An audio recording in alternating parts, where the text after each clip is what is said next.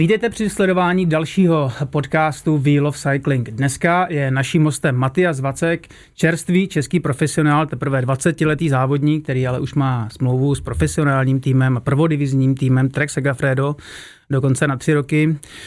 Eh, také vítěz eh, etapy kolem Emirátu nebo druhý z mistrovství Evropy do 23 let, čtvrtý ze závodu míru zase do 23 let a čerstvě eh, desátý v celkovém pořadí závodu Avenir, takové Tour de France do 23 let. Takže Matias, ahoj.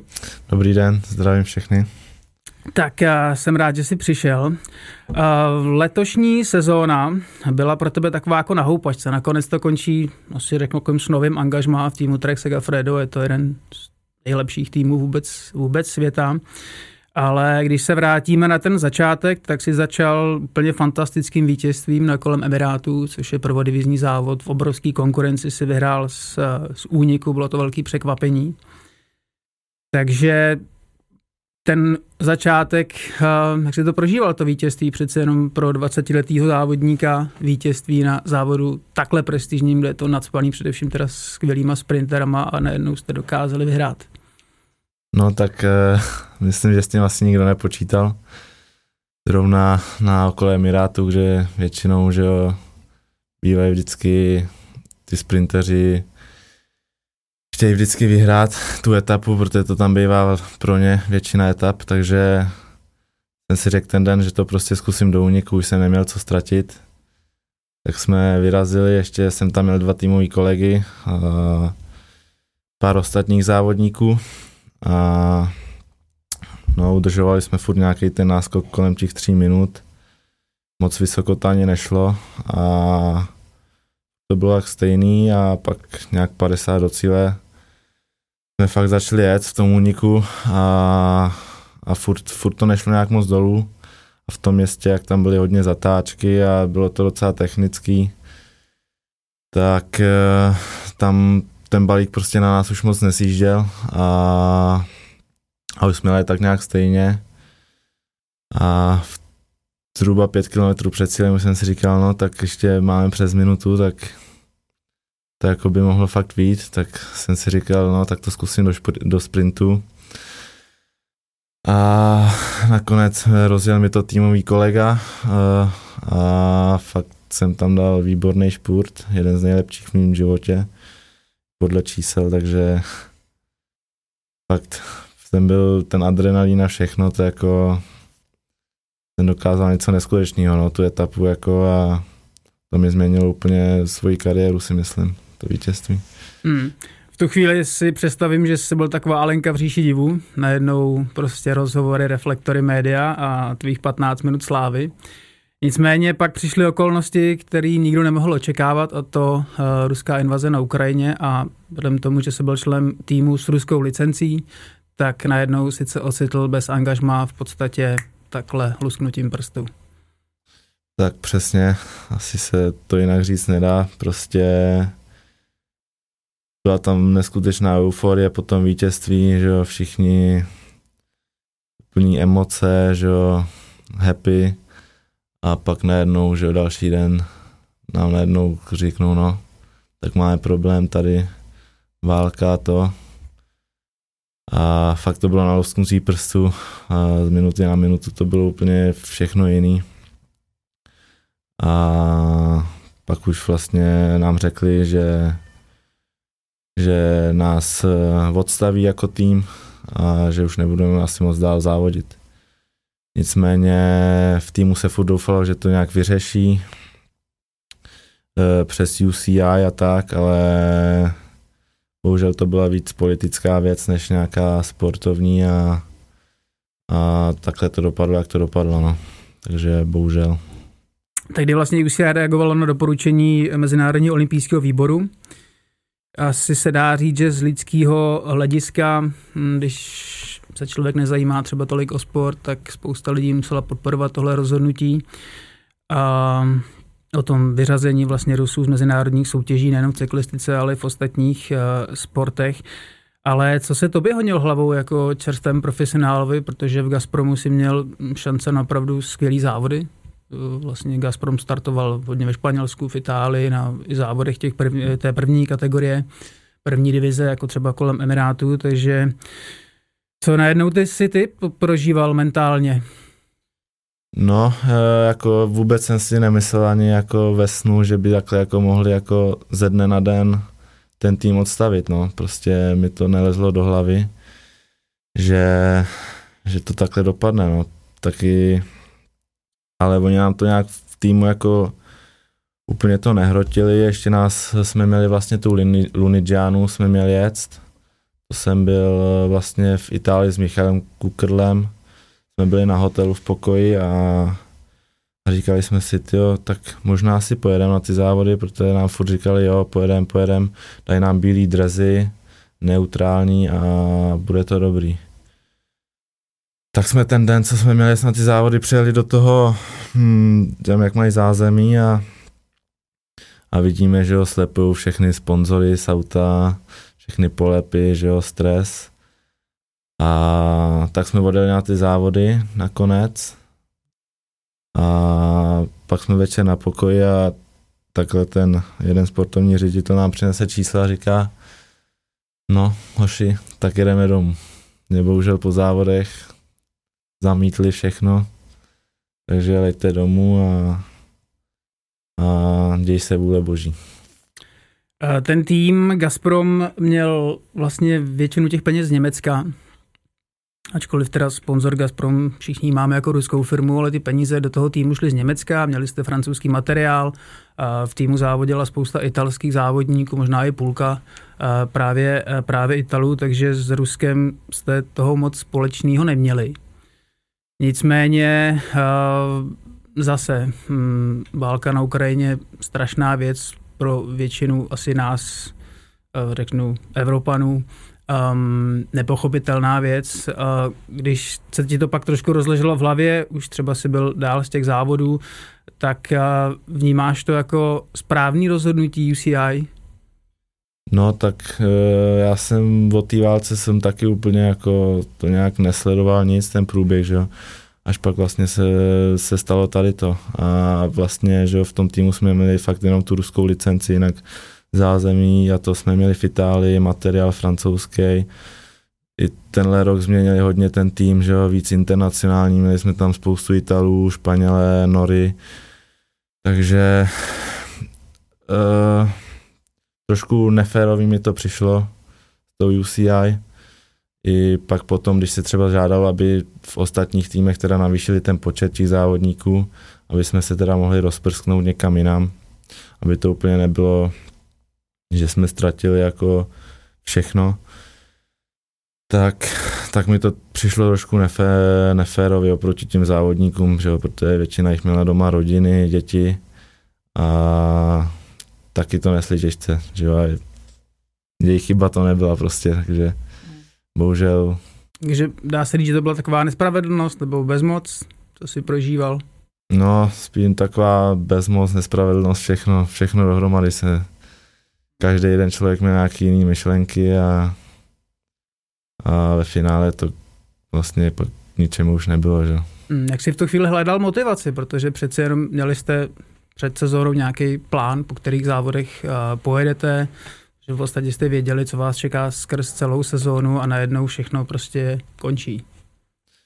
No tak uh, oni to ještě pak dva měsíce intenzivně řešili, scháněli nový sponzory a tak, ale UCI furt zamítala, dokonce jednou sehnali sponzora a řekli, že to jsou, že sehnali teda špinavý peníze od někud, takže bohužel to opět k ničemu nevedlo, tak pak se do toho zapil track, i psali, že jo, na to UCI, aby teda jim povolili, povolili jedno závodníka navíc. A tak, ale Fakt, myslel jsem si, že to UCI povolí upřímně, ale ani, ani se nehli, ani se nehli, takže bohužel, tak e, nezbývalo mi nic jiného, než prostě se schopit a trénovat a pracovat dál a doufat v to, že buď to teda nějak povolí, anebo se najde nějaký jiný řešení, no. Ale že bych úplně jako řekl, no, tak kašlu na to, už jako nic nebude, to, to úplně ne věděl jsem, že po té po vyhrané etapě na těch Emirátech, že jo, tak ta motivace byla o to větší. Ale pro nějaký některý závodníky to bylo konec, no. Mm. Jsi třeba v kontaktu s, s některými těmi dalšími kluky, kteří jsou třeba starší, jak si říkal, musí taky živit, živit rodiny. Uh, jak oni tohle to řešili? Tak uh, s ruskýma závodníkama už v kontaktu moc nejsem. Uh, vím, že nějaký teda nějaký týmy našli v menších, menší týmy teda. Italové taky, ty, ty taky jsou v menších týmech teďka.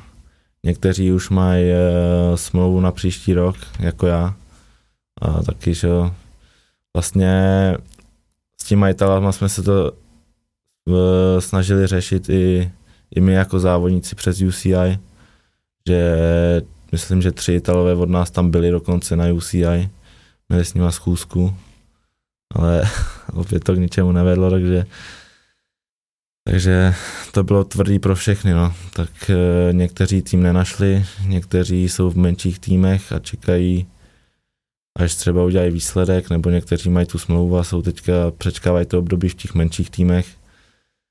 Takže je to takový, takový mix všeho, no. Hmm. V tu chvíli už jsi byl profesionál, tým Gazprom byl druhodivizní, znamená, máš profesionální smlouvu, znamená, že jsi nedostával ani peníze, což teda tobě ve 20 možná ještě tolik nevadí, ale ti starší kluci najednou, víš třeba, že by někdo šel normálně pracovat, že by prostě já už řekl, já už tohle nebudu jako dělat a, a zvládat a jdu prostě normálně pracovat? No tak e, někteří určitě to takhle měli, e, někteří závodníci, ale když už člověk, myslím, v té jednou v té cyklistice a v takovémhle týmu, tak se to nesnaží že zahodit za hlavu a, a jdu do práce někam makat, že prostě snažit se aspoň něco málo najít, no ale když má doma tu rodinu, že jo, tlak, děti, škola, nevím, jaký to je, nemůžu nějak říct, jaký to jsou pocity, ale musí to být fakt strašný, jo, když člověk jako je bezmocný, neví co hmm. v ten moment. Pojďme se zase vrátit k té sezóně. Máš asi štěstí v tuhle chvíli, že jsi tak mladý, jak seš, protože si mohl startovat za reprezentaci, kde je kategorie třeba 20 let a jezdí se kvalitně obsazené závody Nations Cupu. Takže um, hnedka si vlastně tě napadlo, že, že můžeš tu chvíli startovat za reprezentaci a v té sezóně sice těch startů bude míň, Není tam třeba taková konkurence, ale pořád jsou to tvoji vrstevníci, takže naopak bude lepší šance na výsledky. Jo, tak uh, hned potom, že mě i kontaktoval Tomáš Konečný, že teda může z nějaký závody. Vlastně první závod byla Bíteš, která, kterou jsem měl za ten nároďák a prostě jinou, jinou šanci jsem ani neměl, než prostě závody s tím nároďákem a jsem za to moc vděčný, že aspoň něco, protože bez těch závodů kdybych nejezdil s tím nároďákem, tak asi nebudu, kde jsem teď momentálně. A, a snažil jsem se objíždět úplně všechno, co je nároďák. A snažili se mi samozřejmě víc vstříc, vstříc toho národního týmu. A chtěl bych teda moc poděkovat tímto i národnímu týmu, že mi dali tyhle možnosti startovat na těch, i na, i na českých pohárech. Takže super a teďka už to snad bude jenom lepší. Takže si to vnímal spíš jako mm, nový náboj, novou motivaci, než že takovou jakoby náhražku, že teda dobře, aspoň můžu někdy jezdit v balíku? Jo, určitě to byla motivace, že jo. Tak uh, někde jsem musel ukázat, co ve mně, že to ve mně zůstalo, že jsem to prostě řekl, no, tak přestanu trénovat a uvidíme, co bude. Tak prostě aspoň někde jsem tu práci mohl mohl ukázat na těch závodech s tím nároďákem. Hmm.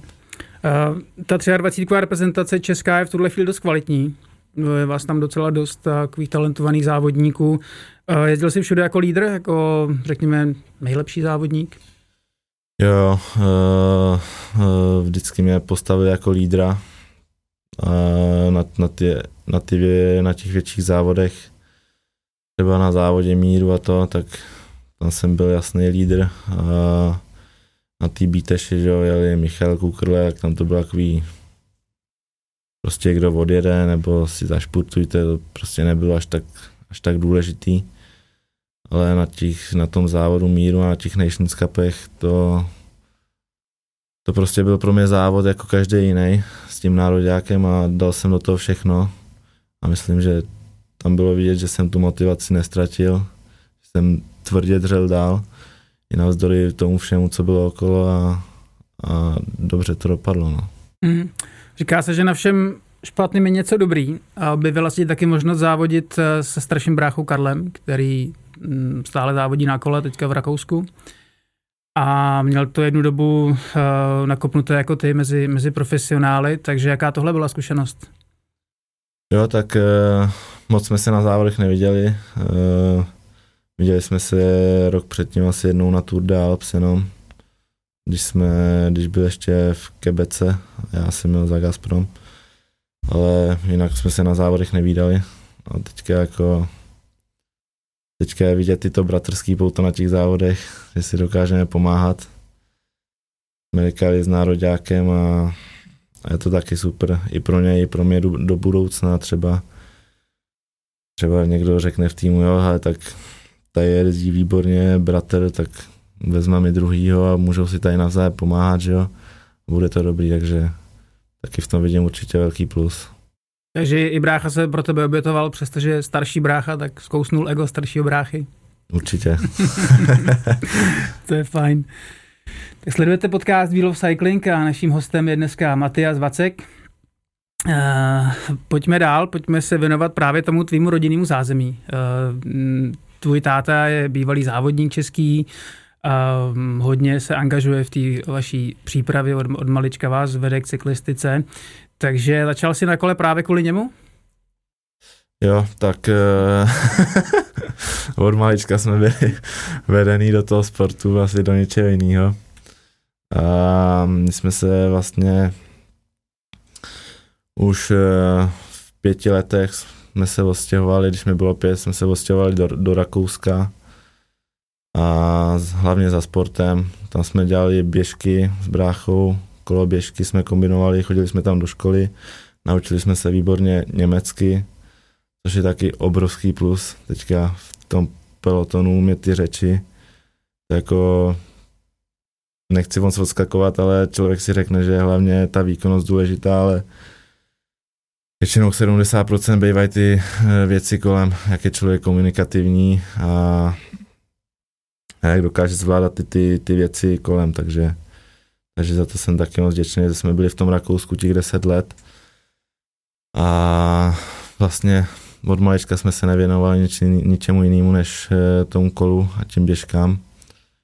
A objížděli jsme závody, i o prázdninách jsme vydali karaván, jeli jsme na, na Tour de France se kouknout na Giro a byli jsme o to od malička naplno vedení, no, prostě do té cyklistiky a teďka to nese svoje ovoce. Uh, já tý tátu znám, takže uh, vím, jak, uh, jednak co tomu dával, té vaší přípravy a tomu jakoby sportovnímu životu, ale taky si pamatuju jednu jeho větu, když jsme se vždycky potkali, tak, tak, tak, jsme, tak jsem se optal, co, co, co kluci a jak se daří a, a to, a tak vždycky jsme to probrali a on pak, uh, já jsem se optal, no co, jako kluci chodí do školy nebo tak, on říkal, no jako jo, ale já chci, aby každý uměl tak dva, tři jazyky a oni budou jezdit na kole jako profíci. Říkám, počkej, jako kolik, kolik, kolik jim je? No, 12 a 15. Říkám, jako teďka už víš, že budou profíci. Jo, jo, jo, to půjde. Takže tohle mě jako docela, asi, asi tak to bylo, no. docela překvapilo. Každopádně jazyky umíte a, a vzdělání máte? Vzdělání nemám. Každopádně je to ta cesta toho profi sportovce, kterou by si vybral nebýt, nebýt toho vedení táty? Uh, to je těžko říct, no. Já třeba brácha si myslím, že, že určitě jo, ale já třeba, když jsem byl malý a měl jsem jít na trénink na nějaký dlouhý a viděl jsem, že tam budou dva kopce, tak jsem se rozbrečel a nechtěl jsem jít, takže nevím, určitě jsem byl trochu nucený ze začátku, když jsem byl malý do toho sportu, ale nevím, těžko říct, jestli bych eh, šel takovouhle cestou zrovna. Hmm. Ale to je prostě kdyby, no. Takže v těch 15, když eh, prostě dospívá kluk, tak um, když ti táta dohnala trénink a ty si chtěl, dělat, ty si chtěl jít za holkama, tak to bylo těžký v tu chvíli asi. No spíš to byl jdi na trénink nebo buď doma za, za holkama. To bylo ne, úplně nebylo, ale, ale jo, tak my jsme, myslím, že jsme měli krásné dětství. Už to, že jsme nemuseli být někde ve městě a, a v nějakým takovýmhle ruchu mezi autama.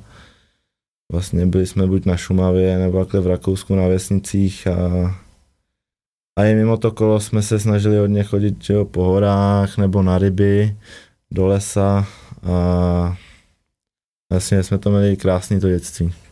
I mimo, mimo, mimo ten sport.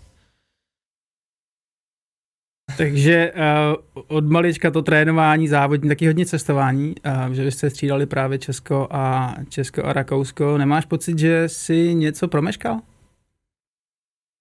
No, nevím, no, tak uh,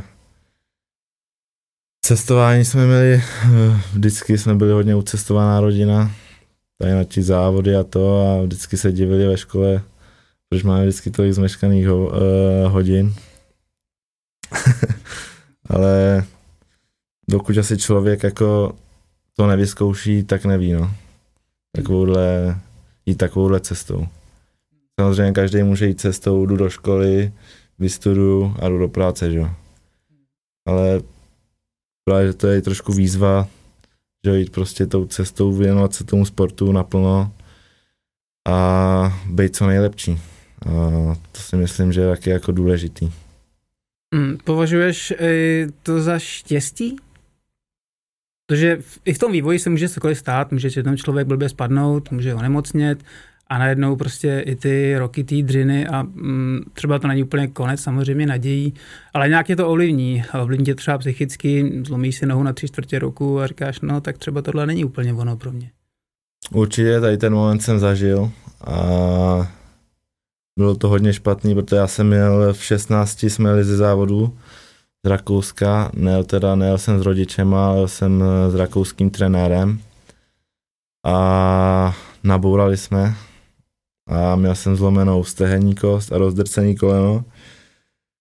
A teda museli mě převážet helikoptérou do nemocnice a operace a všechno možný.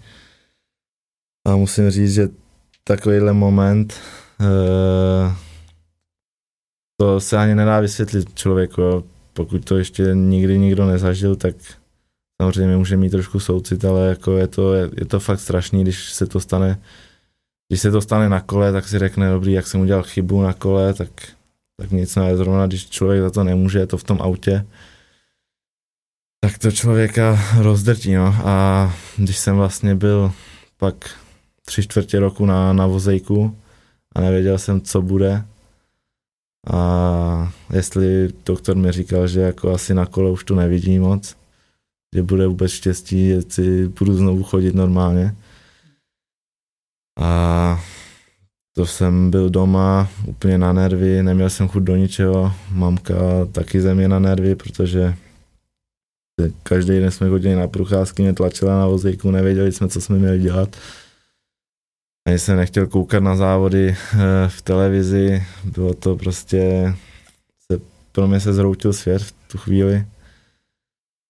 A, a pak je důležitý, jaký lidi máte kolem sebe, no. Prostě buď máte ty, který vás podrží a řeknu vám to dáš, prostě zkusíme to aspoň, nebo máte ty, který řeknou no, a je to, no. Tak co budeme dělat, že jo? Asi, asi to je špatný. A já jsem měl kolem sebe rodinu, bráchy a namotivoval mi to znovu se schopit a zkusit zase začít jezdit na tom kole, i když tam velký naděje nebyly a myslím, že je to trochu zázrak, že jsem se dostal zase do toho zpátky takhle rychle a nemám žádný problémy s tím, s tou nohou, že jak je výborný. Musím říct, že byl jsem v Rakousku v nemocnici, jak ty doktoři tam byli, o mě byla péče výborná. A tak jsem pomaličku začal trénovat zás a, a dostal jsem se do toho postupně, jak jsem začal závodit a začalo mě to znovu bavit, no. Ale to byl fakt velký test v životě, tady ten úraz a fakt nikomu to nepřeju a, a doufám, že teďka už to bude bez nějakých větších úrazů. No, zaklepejme. Uh, možná o to větší, pak si měl motivaci. Pokud se vrátíme k těm tvým sportovním začátkům, tak ty jsi taky úspěšný běžec na lyžích, máš řadu úspěchů z mladších věkových kategorií.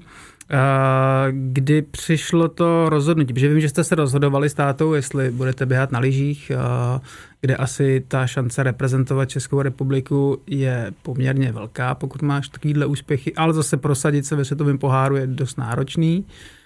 A mm, těch profíků oproti cyklistů je míň. 100% běžeckým lyžování. Takže eh, jak probíhalo tohle rozhodnutí a kdy to nakonec dopadlo, že budeš jezdit na kole? Jo, tak běžky už jsem taky, jak jsem říkal, dělal od malička, jsem to kombinoval s tím kolem. Myslím, že i když je člověk profesionální cyklista a kombinuje to s těma běžkami, že to je občas lepší, než v zimě chodit nějak do posiloven a tak. Ale vrátíme se k téma, prostě běžky jsou krásný sport, jsou i náročný. Není to zas tak dlouhý distance jako na kole a tak, ale je to fakt, člověk jde ten závod, tak ho jede full out od začátku až do konce a nevystavuje se nebezpečí na silnicím, že jo, ovzduší a takovýhle, takovýhle věcem a, a bylo to těžké, no, protože ještě vyhrával jsem i na těch běžkách, byl jsem na těch mládežnických olympiádách, kde jsem byl většinou taky do toho 15. místa.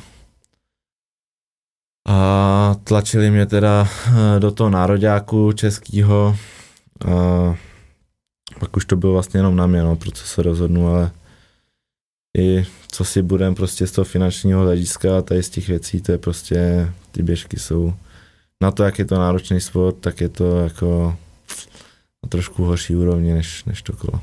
Hmm, takže tam byly takový pro a proti no, a rozhodlo no, se pro cyklistiku. Říct, no. hmm. Chápu. Eh, zpátky teda k cyklistice a tvojí budoucnosti. O tom zájmu týmu Trek Segafredo se ví už o, vlastně od jara, od té doby, co se rozpad Gazprom, tak si sám říkal, že oni žádali o výjimku UCI, aby rozšířili svůj tým a přijali tě, uh, přijali tě mezi sebe. Takže ty si věděl od začátku, že by tady mohla být šance, že ten příští rok oblečeš dres treku Segafredo? Jo, tak uh, my jsme byli v kontaktu nějak od začátku s trekem. Vlastně, jak jsem vyhrál uh, mistrovství Evropy v juniorech v časovce, tak od té doby už jsem byl s tím scoutem trochu v kontaktu.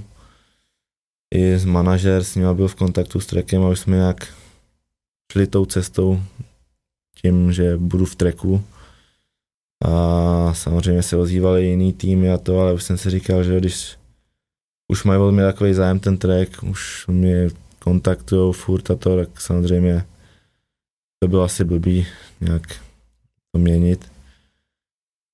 A vlastně letos mi začali pak, když bylo těžce, tak mi začali posílat materiál, oblečení, vlastně celý černý, že jo, bez nápisů vlastně, protože trénoval v té době v Gazproměcech, to bylo trochu na českých silnicích nebezpečný. a, a jak mi poslal oblečení, taky, že jo, to dá člověku motivaci. A s tím uh, trenérem, co mám teď vlastně v treku, jak s tím jsem byl v kontaktu už od začátku sezóny, už když jsem byl v tom Gazpromu. Každý den skoro, takže člověk je to vždycky motivuje, když se jakhle s někým zavolá v tom těžkém období, tak myslím, že to je jenom dobře. A,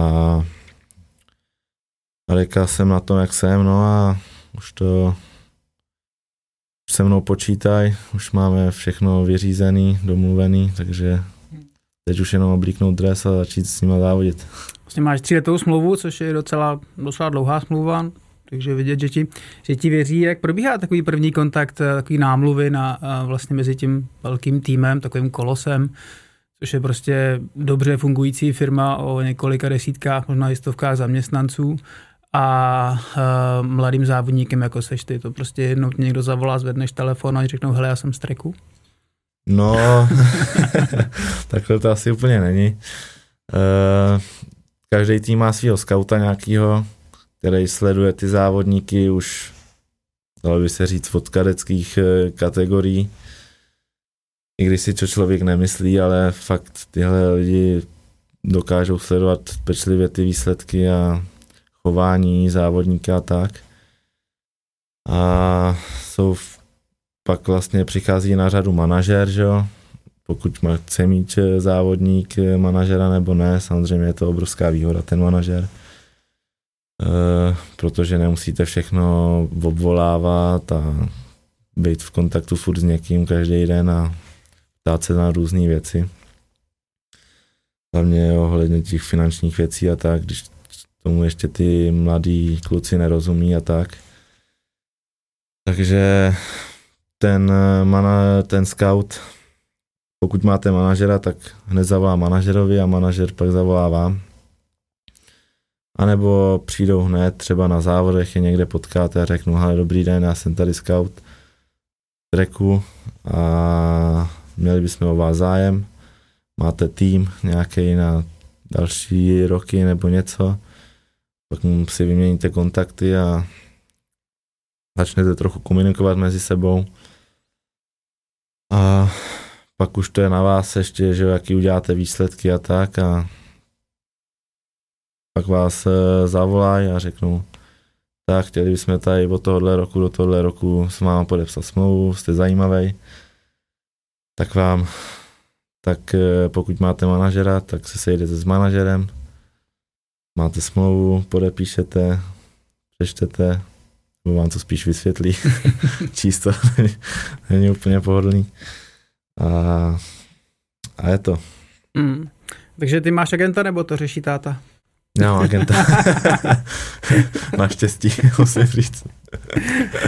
um, vy jste taky rodinní známí s Romanem Krojcigrem, uh, jste v kontaktu, jste vlastně šumaváci všichni. Byla tam ve hře třeba i angažmá do Bahrajnu, kde teď Roman je sportovním ředitelem? Byla. To je vždycky v cyklistice ty kontakty prostě, prostě fungují, Když ať máte kontakty, nebo chce, no, tak, tak to je, to je pak je ještě to lepší, no, samozřejmě. Uh, byl tam hned vlastně, jak se to stalo s tím Gazpromem, tak uh, Roman mi hned volá, ale máme tady volné místo, mohli bychom tě vzít hned. Ale to byla zrovna ta situace, kdy já už jsem že měl materiál od treku a rozjednaný všechno a hmm už mi prostě připadalo neférový říct, ale čau, tady si to všechno vemte zpátky, já jdu tady, jsem dostal nabídku a jdu hned to. Hmm. Takže už vlastně, jak se ty lidi z toho treku ke mě chovali, jaký měli o mě zájem, tak jsem říkal, ne, tady prostě to nějak přetrpím a, a, a bude to dobrý. V současné době sledujeme v cyklistice velký nástup mládí. Teď vlastně eh, končí Vuelta, vyhraje asi 22-letý Remco Evenpool, třetí je 19-letý Ayuso. Um, jak vnímáš tu ten nástup mládí a není to jenom tak, že by ty kluci ten závod objížděli, byli rádi, že ho absolvujou a že nespadnou, ale ty uh, závodníci tam přijedou v tomhle strašně nízkém věku vyhrát.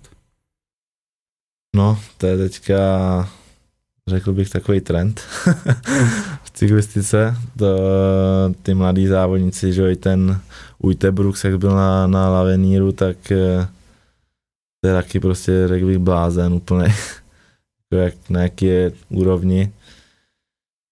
Eh, já prostě jsem takovýhle úplně jump neměl, bych řekl, jako že bych hned někde začal u profíku vyhrávat u mě to jde trošku pomalejš, jako vlastně díky letošní sezóně teďka, že jo.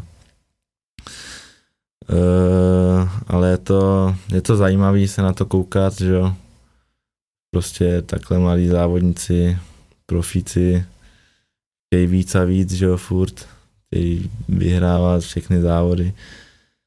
A jiný už to asi nebude teďka, aspoň nějakou dobu. Nevím jak to mají ty starší závodníci, jak to vnímají třeba v těch týmech, nevím, jaký z toho mají pocity, když tam přijde nějaký mladěch a řekne mu, ale tak vles na špic a jedem. Tady jako to je, už je to tak prostě, mají různý, že jo, jsou maséři, doktoři, přípravy různý v nadmořských vejškách a už tohle všechno řekl bych, že už to začínají dělat teďka ty kluci v 15, v 16 letech, že jo. Se prostě věnovat tomu životu jako fakt opravdu je profesionál. A to už pak opravdu nejde nic jiného, než prostě pak člověk nemá čas jako někde jezdit na výlety a tak. To prostě už musí se úplně všechno, no. Když se tě zeptám, uh, chceš se toho účastnit? Tak to by, to je 20 teďka, to znamená, že klidně prostě do dvou let dá se říct, že bys měl něco vyhrát. Tak trošku pod tlakem jsem, když vidím ty, ty kluky, ty mladí, co proti mě závodí. Ale já tomu věřím, já věřím eh, tomu, jak pracuji, tomu, jak tomu mým přístupu k té cyklistice a věřím, že určitě určitě budu moc vyhrávat v těch příštích letech. Teďka, když se rozjedou, že ty závody, budu mít normální závodní program, tak eh, myslím, že tam je velká pravděpodobnost, že tam budu s nima, s těma klukama. A taky si na to věřím, takže nevidím v tom nějakou velkou vědu, jenom prostě udržet si tu motivaci hlavně a, a trénovat dál a hlavně, aby všechno sedělo. Bude to dobrý. Kde vidíš ten důvod, že ti mladí závodníci jsou takhle dobrý? Je to už opravdu, že od toho, že už prostě od, od puberty jsou vedený k tomu, aby byli profesionálové, řešejí techniku, řešejí stravu, řešejí prostě všechno, co se k tomu, tomu sportu váže a v podstatě tomu všechno obětují? A nebo jsou to prostě extrémně talentovaní sportovci? Tak tady v tom uh, takový těžko říct, určitě talent, tady ty kluci, co jsou teďka třeba na té Vueltě, tak určitě talent, že jo, mají velký. Ale jak říkal eh, Ronaldo, talent bez práce není, není nic. Takže určitě zatím je i velký kus práce a teďka třeba když jsem přišel do Itálie, tak kluci už tam s mnou na, na apartmánu si vážili jídlo, vážili si těstoviny, měli různý ty suplementy, že jo, doplňky stravy. Já si říkám, ty proč, jako, proč to děláte a co? A oni, no, tak nevidíš, tady to dělá Valverde, tady to dělá tamten a, a už prostě třeba mají trenéra, který jim říká, dělej tady to, dělej tady to, který jim napíše, co mají jíst. Má, jsou různí nutricionisti, který si člověk může zaplatit a, a to už pak začíná ten profesionální život prostě, no. Tímto. Seš ten závodník, eh, který si jde spíš svojí cestou, anebo prostě přijdeš do, do profesionálního týmu, uvidíš, jak to všichni ostatní dělají a budeš to dělat stejně? Tak každý závodník má asi nějaký svůj charakter, s kterým musí pracovat. Nemůže každý dělat to samý. Musí trošku se tomu přizpůsobit, že jo, tréninky, i ta strava, že jo. Nemůžete tady teďka říct, nějakému sprinterovi, dej si tady že jo, 150 gramů těstovin k večeři a zítra mi vyhraje etapu, že jo. to prostě nejde. Hmm. A já jsem, doteďka jsem si šel svojí cestou, samozřejmě už se to trošku změní, budou tam, v týmu máme nutricionisty, různý, že jo, takovýhle doktory a tak, který vlastně předepisují všechno, co člověk má brát, jakou danou dobu.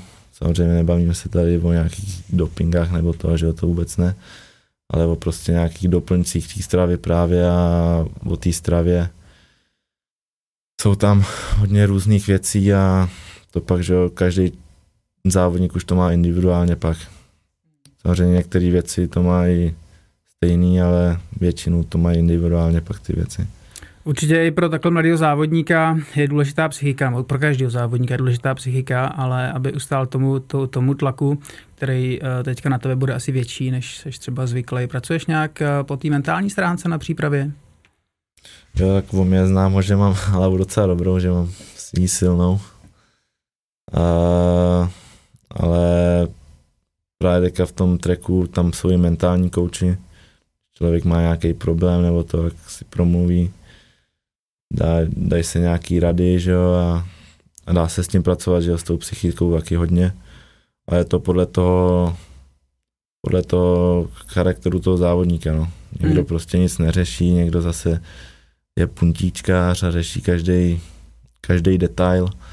To už je prostě pak od závodníka k závodníkovi a když ten tým vidí, že závodník není 100%, že jo, má nějaký ty problémy, tak řeknu, ale zajdi tady za mentálním koučem, pomůže ti to, rozhodně ti to neuškodí, jak tyhle věci se samozřejmě dají dělat. A k tomu, aby člověk dokázal vyhrávat, eh, tak jo, jednak to musí zrovna všechno sednout ten den, ale musí prostě všechny tyhle ty věci zapadnout uh, do, do sebe. Potřebuješ se v tom cyklistickém řemesle něčemu dovzdělávat? Uh, tak uh, když člověk pak už má tu smlouvu, tak samozřejmě tam jsou nějaký, nějaký věci, které musí dodržovat v tom týmu a hlavně, hlavní jsou teda ty řeči u těch závodníků, ta komunikace, to můžete mít výkonnost, jakou chcete, ale nebudete držet partu, že jo, budete furt někde takový outsider nebo něco, tak to se týmu určitě nelíbí, že jo. A i pro ty závodníky, že jo, se musí nějak navzájem podporovat a to a,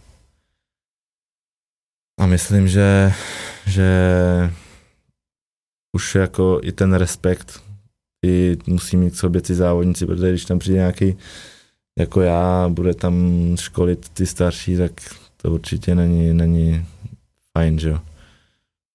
I může mít každý výkonnost, jakou chce, ale vždycky musí mít respekt k ostatním.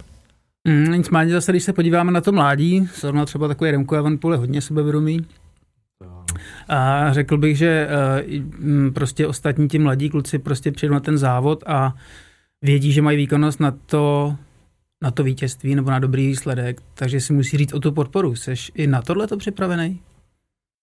Jo, tak určitě, že tak uh, pokud vám někde tým řekne, ale ty jsi lídr, tady jako pojedeš a budeš si řídit tým, tak samozřejmě člověk trošku přepne, že v té hlavě.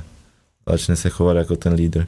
Když vám někde řeknou, ale tady budeš dneska 50 km tahat na špici, aby tady vyhrál Pedersen, tak samozřejmě nemůžu přijet a říct, ale hoši, kašlu na vás, dneska si to pojedu na sebe, že?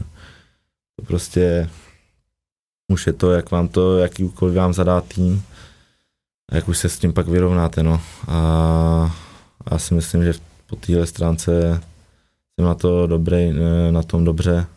Díky Romanovi Krojcigrovi, že jo, který měl ty zkušenosti, říkal mi občas, ale sklidni se, nebo třeba ale tady to si váš a tak, jo. Takže určitě tam jsou i ty rady od těch starších a je třeba si to ocenit.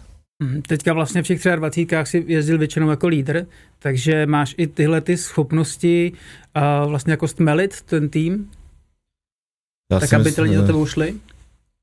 Já si myslím, že jo. Eh, už mi to říkalo hodně lidí, že jako, že jako i v těch těžkých momentech dokážu jako podržet tu partu, jakože neřeknu, ale hoši, je to v hajzlu. Víte? Jsem jo, prostě takovýhle věci, že jo. Hmm. To pak, že jo, jeden člověk, když je prostě nějak naštvaný, tak v tom týmu je to prostě znát. Že tam není ta uvolněná atmosféra. Myslím, že to dělá hodně zrovna ta atmosféra v tom týmu. Když jeden den prostě nevíde, tak prostě nepřestávat nějak zahazovat všechno za hlavu a říct si, no tak, tak nic. No. Prostě jít dál a druhý den to zkusit znovu, naplno. Hmm. Když tě takhle poslouchám a vnímám, tak na mě působí spíš jako takový kliděs. Je to tak? Jsem kliděs, no. Jsem jo? velký kliděs, no. Ale, Ale zase flegma. no to ne, když se, když se naštvu. Když je potřeba, tak je potřeba. Tak jsem tvrdý, no docela. Na co se nejvíc těšíš v treku?